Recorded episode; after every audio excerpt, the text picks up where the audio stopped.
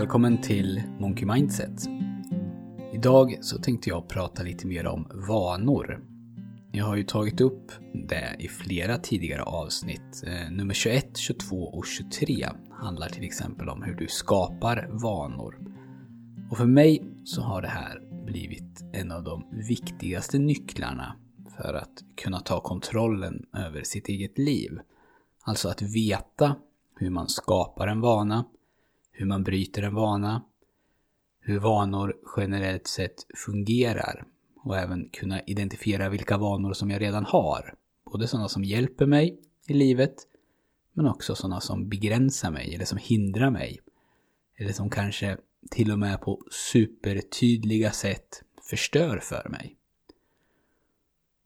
Och det här är som sagt någonting som jag har intresserat mig för mer och mer och ju mer man lär sig om vanor desto mer tycker jag att man förstår om sitt eget beteende.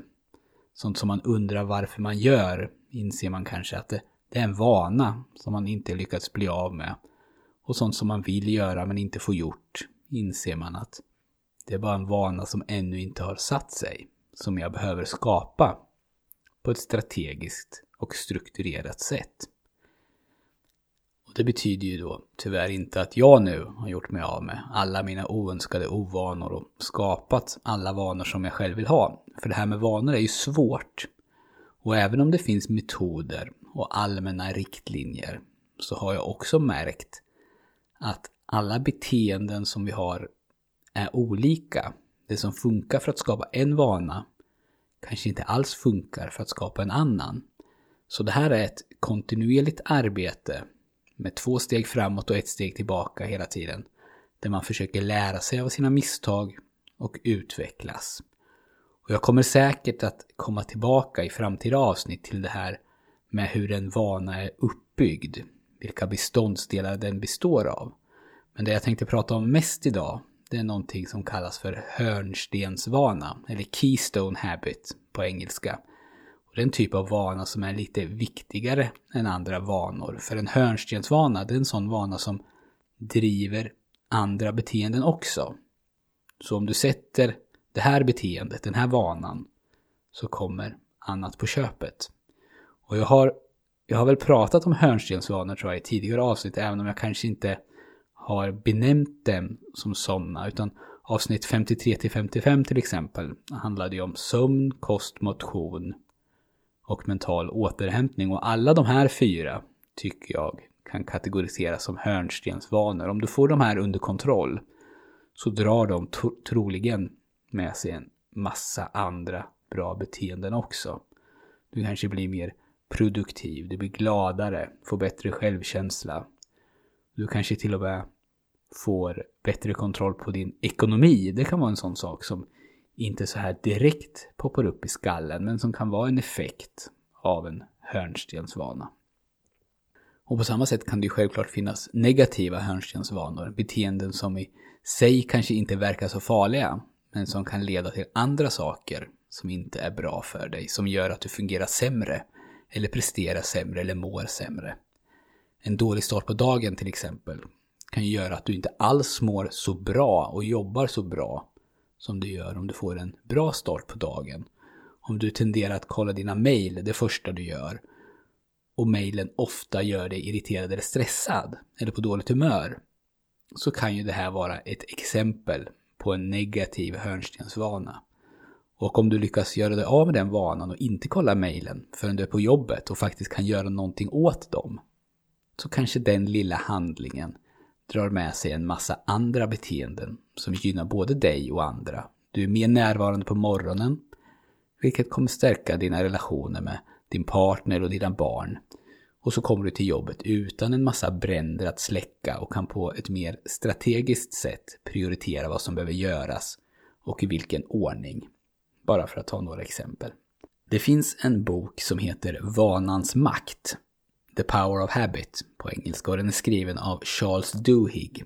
I den boken så tar Duhigg upp det här med hörnstensvanor och han skriver att hörnstensvanor skiljer sig från andra vanor på framförallt tre sätt.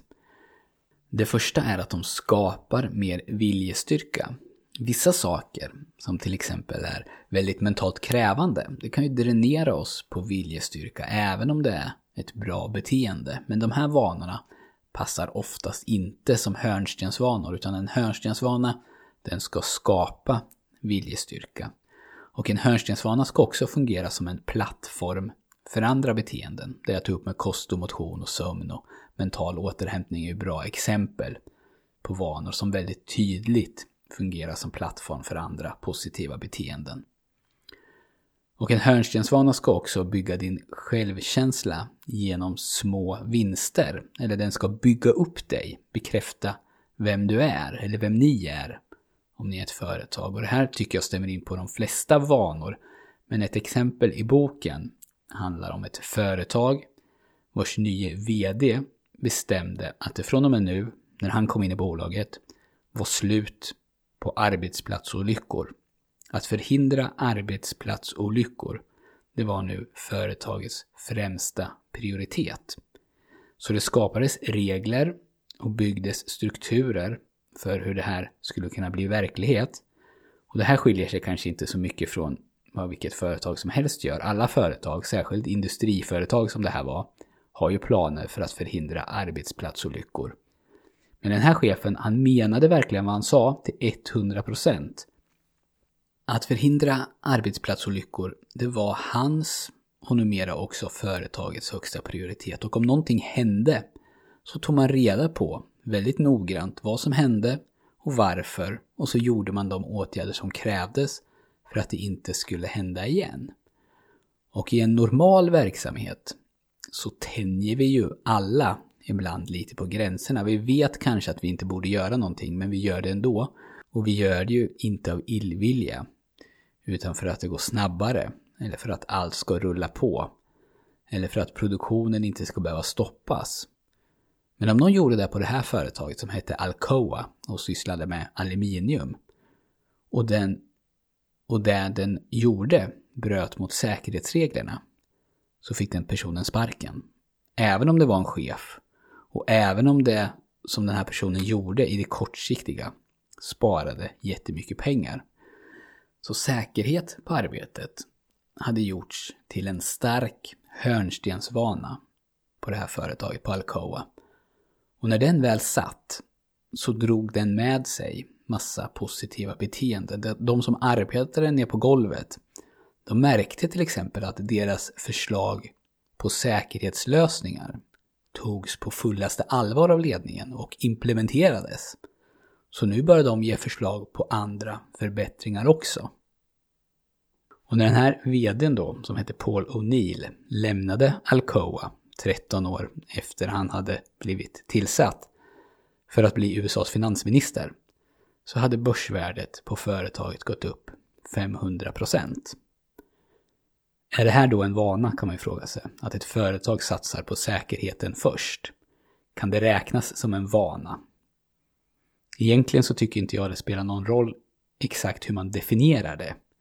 För vad vanor handlar om, det är att skapa önskade beteenden. Och att designa de här beteendena så att de utförs precis så som man vill att de ska utföras när man vill att de ska utföras. Och det var ju precis det då som Paul O'Neill gjorde på Alcoa. Så på det sättet så är det här väldigt tydligt en vana. Och han förstod att om han kunde förändra sina medarbetares beteende och sätt att tänka runt säkerhet så skulle mycket annat, mycket annat positivt komma av sig självt. Och det visade sig att han hade rätt. Läs gärna boken Vanans makt av Charles Duhigg om du är intresserad av det här med vanor. Jag hoppas att det här avsnittet har väckt några tankar hos dig. Kanske kan du börja fundera på hörnstensvanor i ditt eget liv. Vilka skulle det kunna vara till exempel? Finns det sånt som du gör nu som skulle, om du slutade med dem, förbättra flera delar av ditt liv? Och om du är nyfiken på mental träning så kan du få det som du behöver för att komma igång av mig. Och det kostar ingenting. Gå in på monkeymindset.se och anmäl dig till mitt nyhetsbrev så skickar jag dig fyra ljudfiler med instruktioner. Och de här ljudfilerna heter Slappna av, Gå djupare, Självkänsla och Målbilder. Och det var allt för idag. Nu tar podden ledigt och när den kommer tillbaka, det vet jag inte riktigt. Tack så mycket för att du har lyssnat.